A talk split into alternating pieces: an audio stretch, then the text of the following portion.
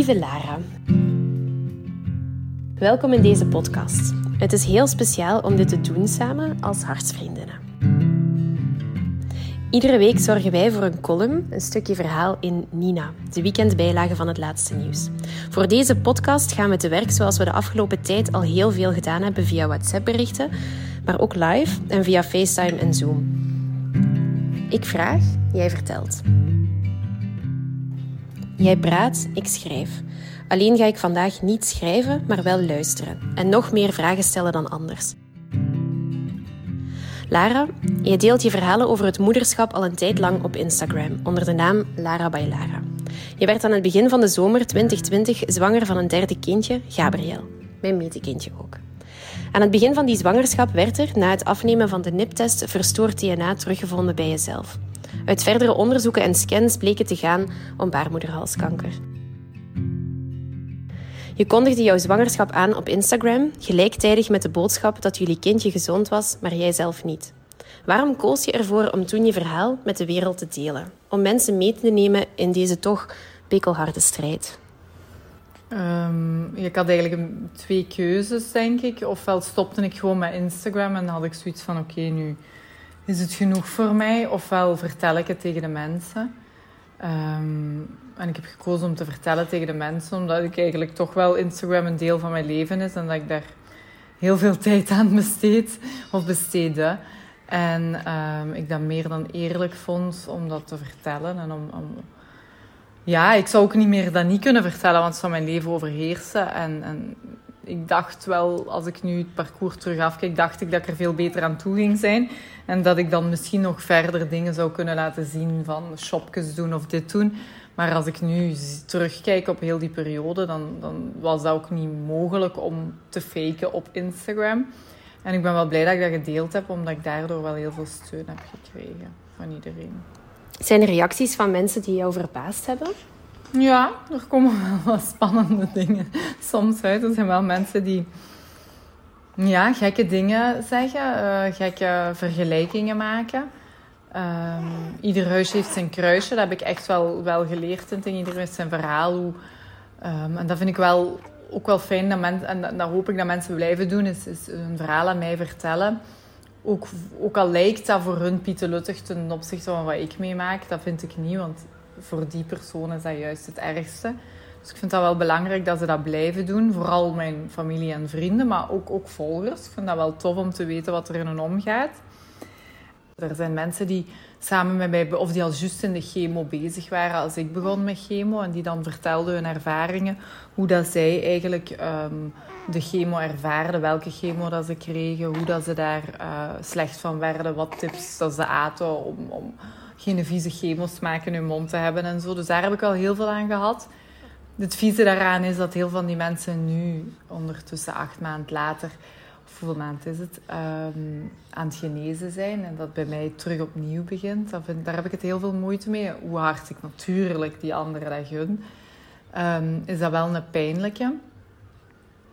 Um, ja. Hmm. Dat zijn zo de verhalen die me echt bijblijven. Is, en daar heb ik ook soms het meest aan, omdat die mensen beter begrijpen dan wie dan ook waar dat je doorgaat. Want je kunt tegen je familie en vrienden wel zeggen van...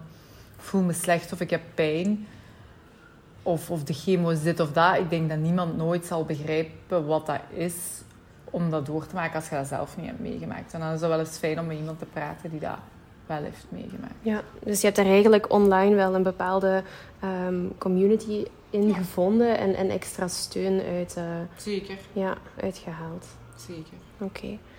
Ehm, misschien heeft het ook wel een en ander doen bewegen, want je bent iets heel bijzonders van plan.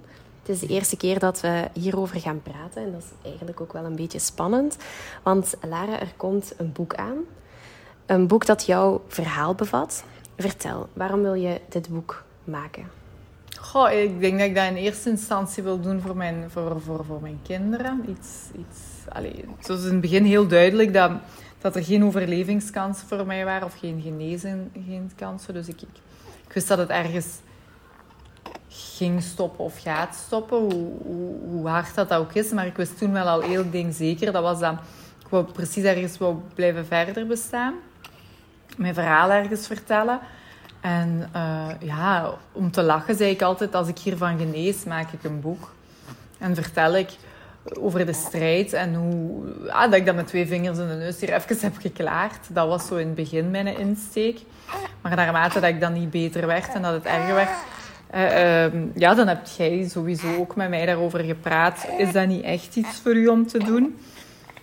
En um, er lagen zoveel ideeën op tafel om over te schrijven en, en, en, dingen die ik wil vertellen aan mijn kinderen die nu nog veel te klein zijn, die nu nog niks eigenlijk snappen van dat, uh, of van, van wat ze misschien ooit willen weten. En dat ik dat dan kan vertellen in dat boek en dat ik een beetje kan meenemen in mijn leefwereld of wat mama heeft meegemaakt. Maar ook omdat heel veel mensen dat mij zeiden op Instagram van... Oh, waarom schrijf jij geen boek? Dat is motiverend, je bent motiverend. Ik krijg heel veel steun als ik dat van u lees. Ik ga mijn kinderen extra knuffelen als ik heb gezien wat jij hebt meegemaakt. En vind het ergens ook wel mooi dat mensen even stilstaan. Ook al is dat voor die mensen een fractie van een seconde en gaat hun leven dan verder. Die fractie van die seconde hebben die toch wel net dat extra tijd in hun kindjes gestoken. Of in... Um, kleine dingen die hun gelukkig maakt, daar even bij stilgestaan. En dat vind ik wel belangrijk om die boodschap ook een beetje door te geven. Zeker in de tijd waar dat iedereen leeft tegen 200 per uur. Dus daarom eigenlijk. En ik vertel ook wel heel graag over mezelf. ik ga me eerlijk zijn. gelukkig, gelukkig maar. Het boek is geschreven voor, voor jullie kinderen, zodat zij de mooie hoofdstukken kennen, maar ook de gids Zwarte Dagen um, kunnen lezen. Um, hoe is het boek opgebouwd? Welke hoofdstukken zijn er? Um, sorry. Nee, er zijn... Uh, eerst is er sowieso een, een brief naar mijn, mijn kinderen. Uh, wil ik hun vertellen hoeveel ik van hen hou. Dat ze sowieso ook wel in de memory box hebben uh, zitten. Maar dat vind ik ook wel een belangrijke, hoe ik dat heb aangepakt, ook naar anderen toe. Zeker omdat ik daar ook al mee bezig was voor het boek. Uh, voordat ik eigenlijk wist dat ik misschien snel ging sterven. Uh, maar daar wordt ook een heel deel verteld over um, hoe ik mijn ziekte ervaren heb, um, hoe dat, dat gebeurd is. Eigenlijk het hele stuk van, van de geboorte van Gabriel uh, tot, tot nu. Het zou juist exact, allee, het zou ideaal zijn, juist exact een jaar is dat ik eigenlijk vertel wat en hoe. Maar daar hoort dan natuurlijk ook bij het geboorteverhaal van, van Romee, van Filippa. Dat ze dat ook allemaal kunnen lezen en dat je de verschillen daarin ziet, hoe dat je dat kunt ervaren. Want voor mij zijn dat, voor iedere vrouw is dat een andere zwangerschap, een andere bevalling. Maar voor mij zijn dat toch wel drie extreme uh, verhalen, denk ik.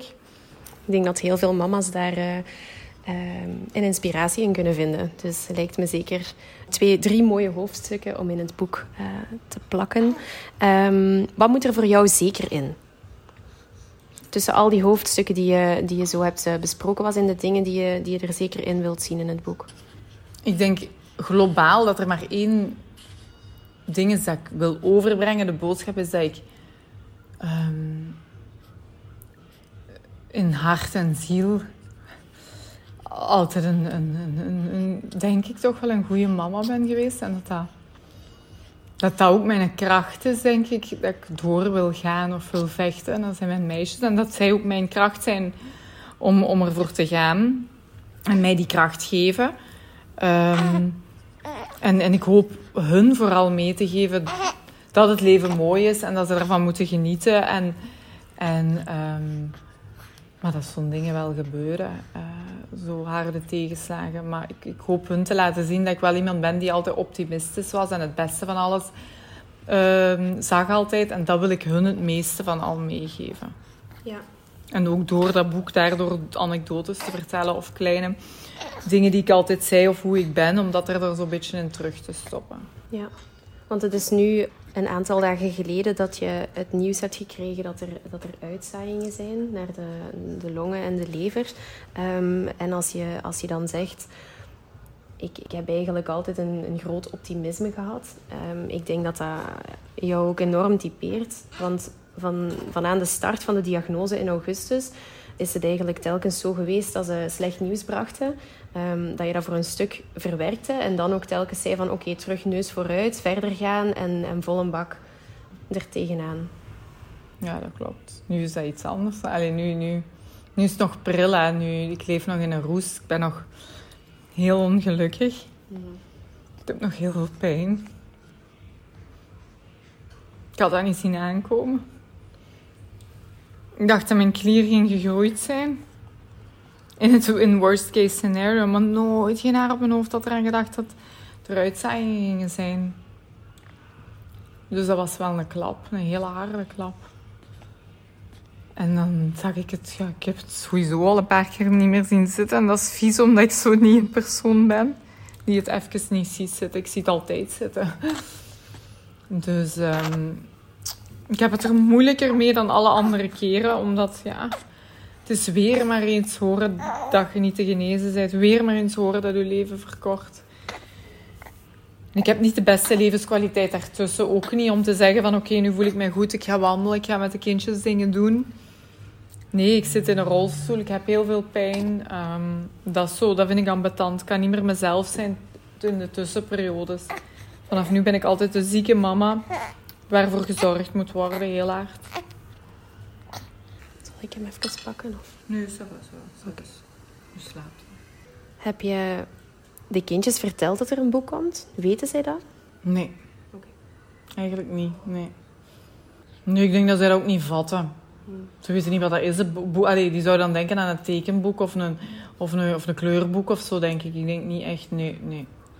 Nog niet verteld. Ik denk wel dat dat wel tegen dat het zover is, als de foto er is, dat ik dat wel zo eens ga zeggen. Want ik weet dat mijn oudste daar wel oren naar heeft, denk ik. Maar dat heb ik eigenlijk nog niet verteld. Oké. Nu, ehm, als je spreekt over, over de hoofdstukken van het boek, um, er is een hoofdstuk dat gaat over, uh, over de liefde. Jij en je man zijn, uh, zijn ook getrouwd op 15 januari 2021 en niemand die het wist. Heb je daar mooie herinneringen aan, aan die dag? Heel mooie herinneringen, want voor mij moest dat eigenlijk niks speciaals. Ik wou gewoon eigenlijk, we gaan even dat blaadje ondertekenen en zien dat alles in orde is um, naar als, we zullen zeggen, een van ons uh, zou sterven. Uh, wat nu voor ons wel realistischer wordt. En wouden we dat sowieso in orde brengen. Um, eerst wouden we dat in december doen, maar toen was ik te ziek, dus hebben we dat moeten uitstellen. En um, dan heb ik gewoon een datum geprikt dat ik zeg van wanneer denk ik dat ik misschien niet zo ziek ga zijn of dat het gaat lukken. En dan dacht ik aan, aan, dat was ja, 15 uh, eh, januari, dat zou ook nog kunnen uitgesteld worden, maar dat was wel een goede dag, want ik voelde me wel heel goed. Ik kwam goed uit met de bestraling, omdat de bestraling zo vroeg was. Dat heb ik dan nog eerst gehad voordat ik dan naar huis reed. En um, ik had dat natuurlijk tegen u verteld. Hè? Mijn bestie vertellen we alles. En uh, ja, je hebt er wel iets heel mooi van ineengeboxt voor, voor, voor ons. Wat um, op dat moment niet echt moest, denk ik. Maar we wel een afleiding gaf om over andere dingen te praten dan over de ziekte. Maar wat achteraf vooral heel mooi was. Als ik nu alles zie en hoe dat, dat mooi perfect die dag ineenvloeide, is dat wel bijna perfect. En kan ik mezelf, ziek of niet ziek, niet inbeelden dat er een betere dag zou kunnen komen dan dit. Ook omdat dat was echt zoals we waren. Het was rustig, niks moest, alles verliep. Ja, geen stress. Uh, Stefan kon nog een Dutch doen, bij wijze van spreken, op de zetel. De kindjes die waren hun eigen. Was heel mooi, was echt heel mooi. En, en we zagen er ook allemaal heel mooi uit. En uh, ja, was... Uh, ja, mooier dan ik durfde dromen. Ik had ook totaal geen verwachtingen. Dus ik denk daarmee ook dat dat, dat dat nog mooier en beter is. En ik heb ook zo heel lang het gevoel gehad van ik wil dit voor mijn eigen houden. Dat is zo mijn verhaal, dat is zo mijn geheim. Dat is iets van mij waar ik enorm blij mee ben. Want ja, Sef is mijn man. Allee, dat, is, dat is fenomenaal geweldig. Hè? Wat was het allermooiste moment van die dag? Als je daar naar terug gaat. Als Stefan de trap afkwam en had hij een cadeautje bij voor mij, wat totaal niet niet, niet was afgesproken. Of, of wat ik totaal ook niet verwacht had. Omdat Stef eigenlijk daar niet mee bezig was. En ook altijd zei van ik ben er niet mee bezig. Maar ik, eh, hij doet alles qua administratie. Alles qua kind, alleen met de kinderen te maken heeft. Alles qua regeling. Um, dus hij zei ook, ik ben totaal niet bezig met, met die trouw. En, en je neemt mij dat toch niet kwalijk. Dus dan was ik wel heel aangenaam verrast dat hij zoiets extra type Steffen voorzien al. Allee, hij, is, hij, is, af en toe romantisch, dus niet vaak. Maar als hem dat is, is er wel elke keer boek op. En dat, dat, toen hij dan de trap afkwam, ik zat dan beneden te wachten, helemaal al klaar met de kindjes. Ja, dat is toch een gevoel zoals het zou moeten zijn. Ik vind het jammer dat ik zelf niet met mijn papa naar het altaar kan lopen. Dat is mijn grote droom, uh, nog altijd. Maar dit was, kwam toch wel dicht in de buurt. Dus dat was wel fijn. Jullie hebben ook iets in jullie trouwringen gegraveerd staan. Wat staat er geschreven? Ja, dus de, bedoeling was dat zowel Stefan als ik iets mochten graveren. Dus ofwel de datum ofwel de namen. We mochten daar wat we een zin, carte blanche eigenlijk in gekregen. Maar um, jullie vonden dat wel leuk dat we dat zouden doen. Um, om te laten zien van... Allee, het is wel fijn als je dan de ring opent en kijkt van... Oei, wat heeft hij erin geschreven? En we hebben dat allebei everywhere voor gekozen. Toevallig, zonder dat we dat van elkaar wisten. Omdat dat uh, ons wel typeert niet. Maar dat is wel het liedje wat voor ons denk ik wel de openingsdans zou zijn. Uh, van Fleetwood Mac. Uh, I Wanna Be With You Everywhere. En nu nog meer dan ooit ervoor. Dus staat dat in beide van onze ringen.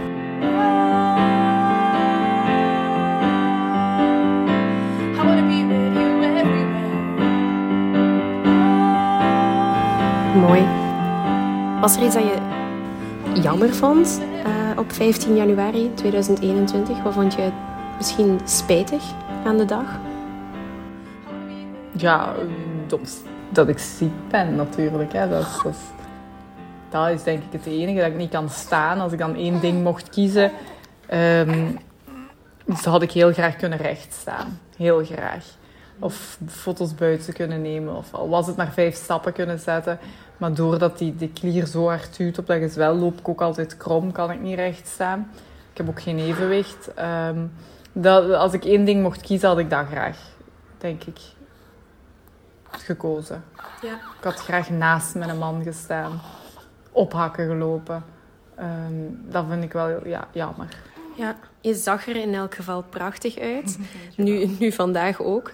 Um, maar in de trouwjurk was, uh, was echt on, onwaarschijnlijk. Um, en, en als je zegt, ja, alles was er. Er, er, was, uh, er was een jurk, of er was een top en een rok. Um, er, er, was een kleine ceremonie, een hele intieme ceremonie, uh, met live muziek van Floor. Met de nummers die ja, die jullie uitkozen ook voor de, voor de kinderen. Die nummers die zullen ook in het, uh, in het boek terugkomen. Um, het nummer Everywhere uiteraard en ook het nummer Tiamo. Um, dat altijd op jullie playlist staat wanneer jullie richting Italië rijden. Um, het boek gaat over jou, over het moederschap, over jouw gevecht tegen baarmoederhalskanker, over hoe je de lichtpuntjes ziet op donkere dagen. Hoe sta je in het leven? Zou je dat kunnen omschrijven? Super positief, denk ik. Ik ben een optimist, heel hard. Um, ongelukkig zijn, dat, dat is iets wat ik niet kende, denk ik. Echt ongelukkig zijn tot voor mama ziek was. Uh, dat, is mijn eerste, daar zijn de eerste barsjes gekomen. Maar uh, ja, heel positief. Ik, ik, denk niet, ik, ik, ben niet iemand die iets overdenkt of nadenkt, extra nadenkt over iets wat nutteloos is. Daar, besteed ik mijn tijd niet aan. Ik ben ook iemand die heel veel belang hecht aan vrienden en vriendinnen. Um, en dat is wel iets wat ik nu merk in mijn ziek zijn, dat terugkomt. Dat ik wel veel vriendinnen heb die er wel voor mij zijn. En dat vind ik wel heel mooi. Uh, en dat vind ik ook wel heel belangrijk zelfs. Maar uh, ja, heel positief.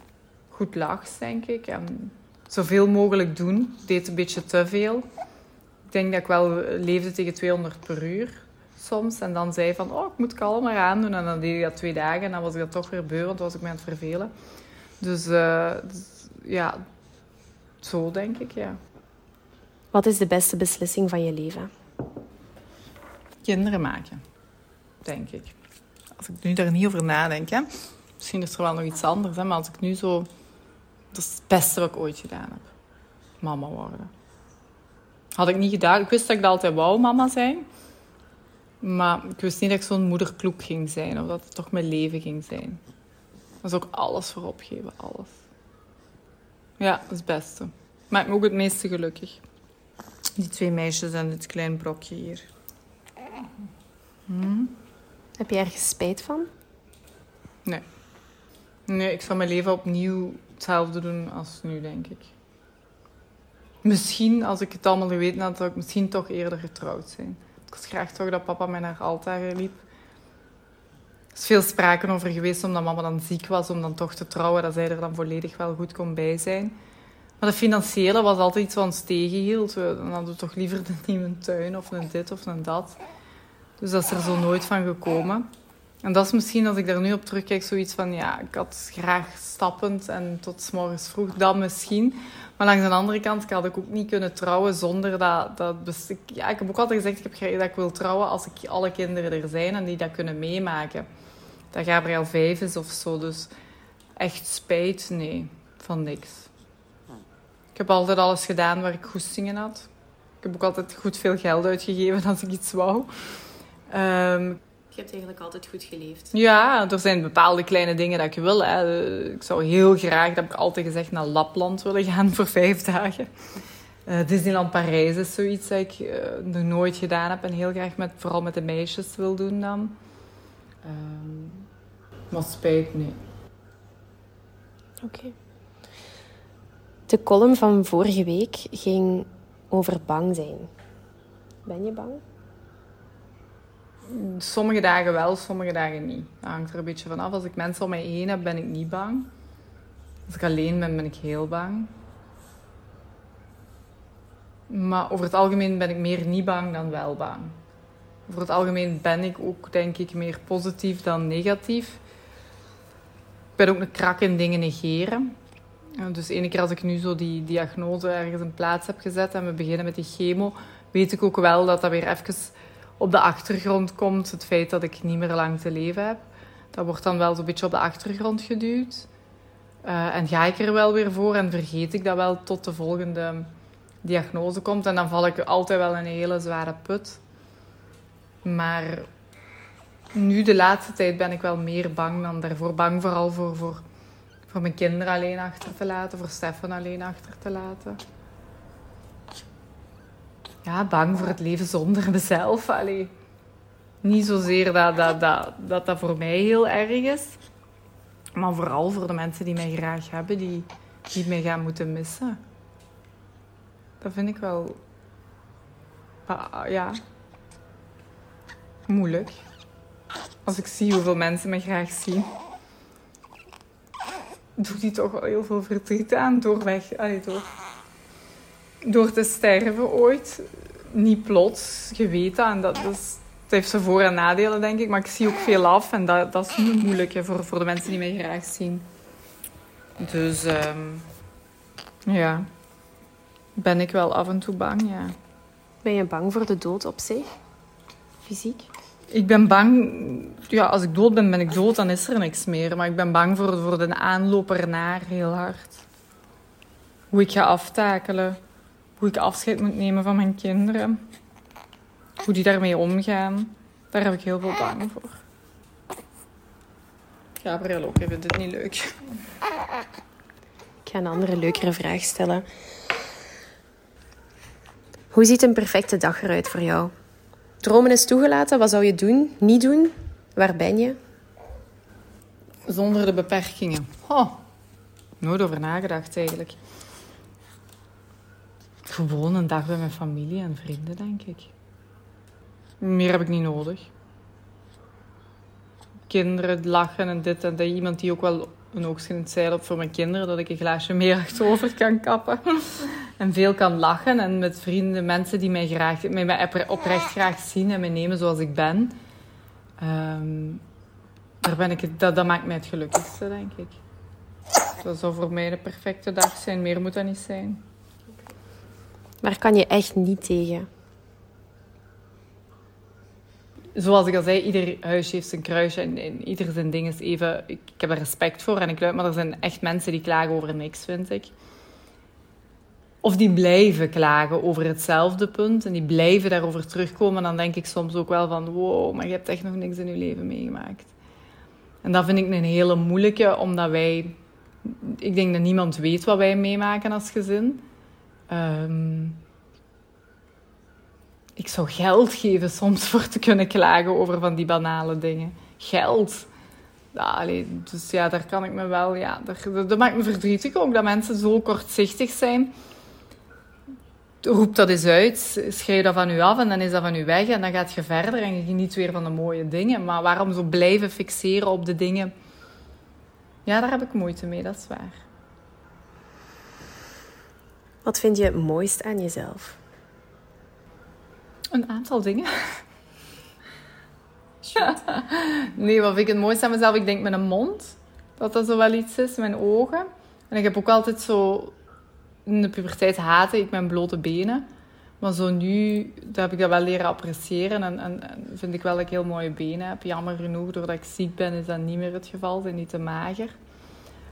En als je aan de binnenkant gaat kijken? Dingen die, waarvan je zegt, dat zou ik mijn kinderen wel willen, willen doorgeven. Dat zijn mijn mooie, mijn mooie ja, kanten. optimisme en dat, en dat, dat gelukkig zijn om, om, om stomme dingen. Ik ben echt altijd heel gelukkig geweest.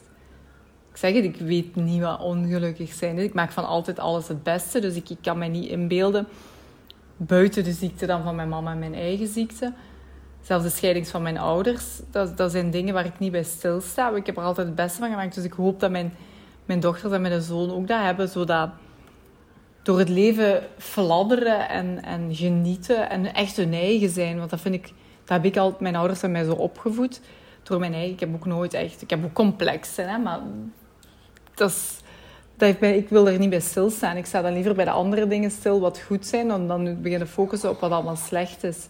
En dat wil ik graag dat mijn kindjes ook meegeven, dat ze zo wat door het leven fladderen. Ja. Um, is er één ding dat je zeker wilt meegeven? Iets dat de mensen die het boek lezen mogen onthouden?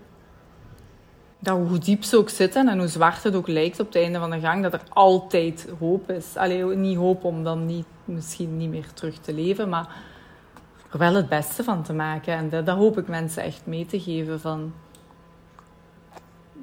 er is ook altijd nog een keerzijde van de medaille. Kijk soms wat verder. En, en geniet. Ja, geniet. Probeer zoveel mogelijk te genieten. Want inderdaad, het leven is te kort. En ik, ik heb dat zelf altijd wel al geweten ergens. Maar nu is het nog verdomde korter dan dat ik ooit had durven denken.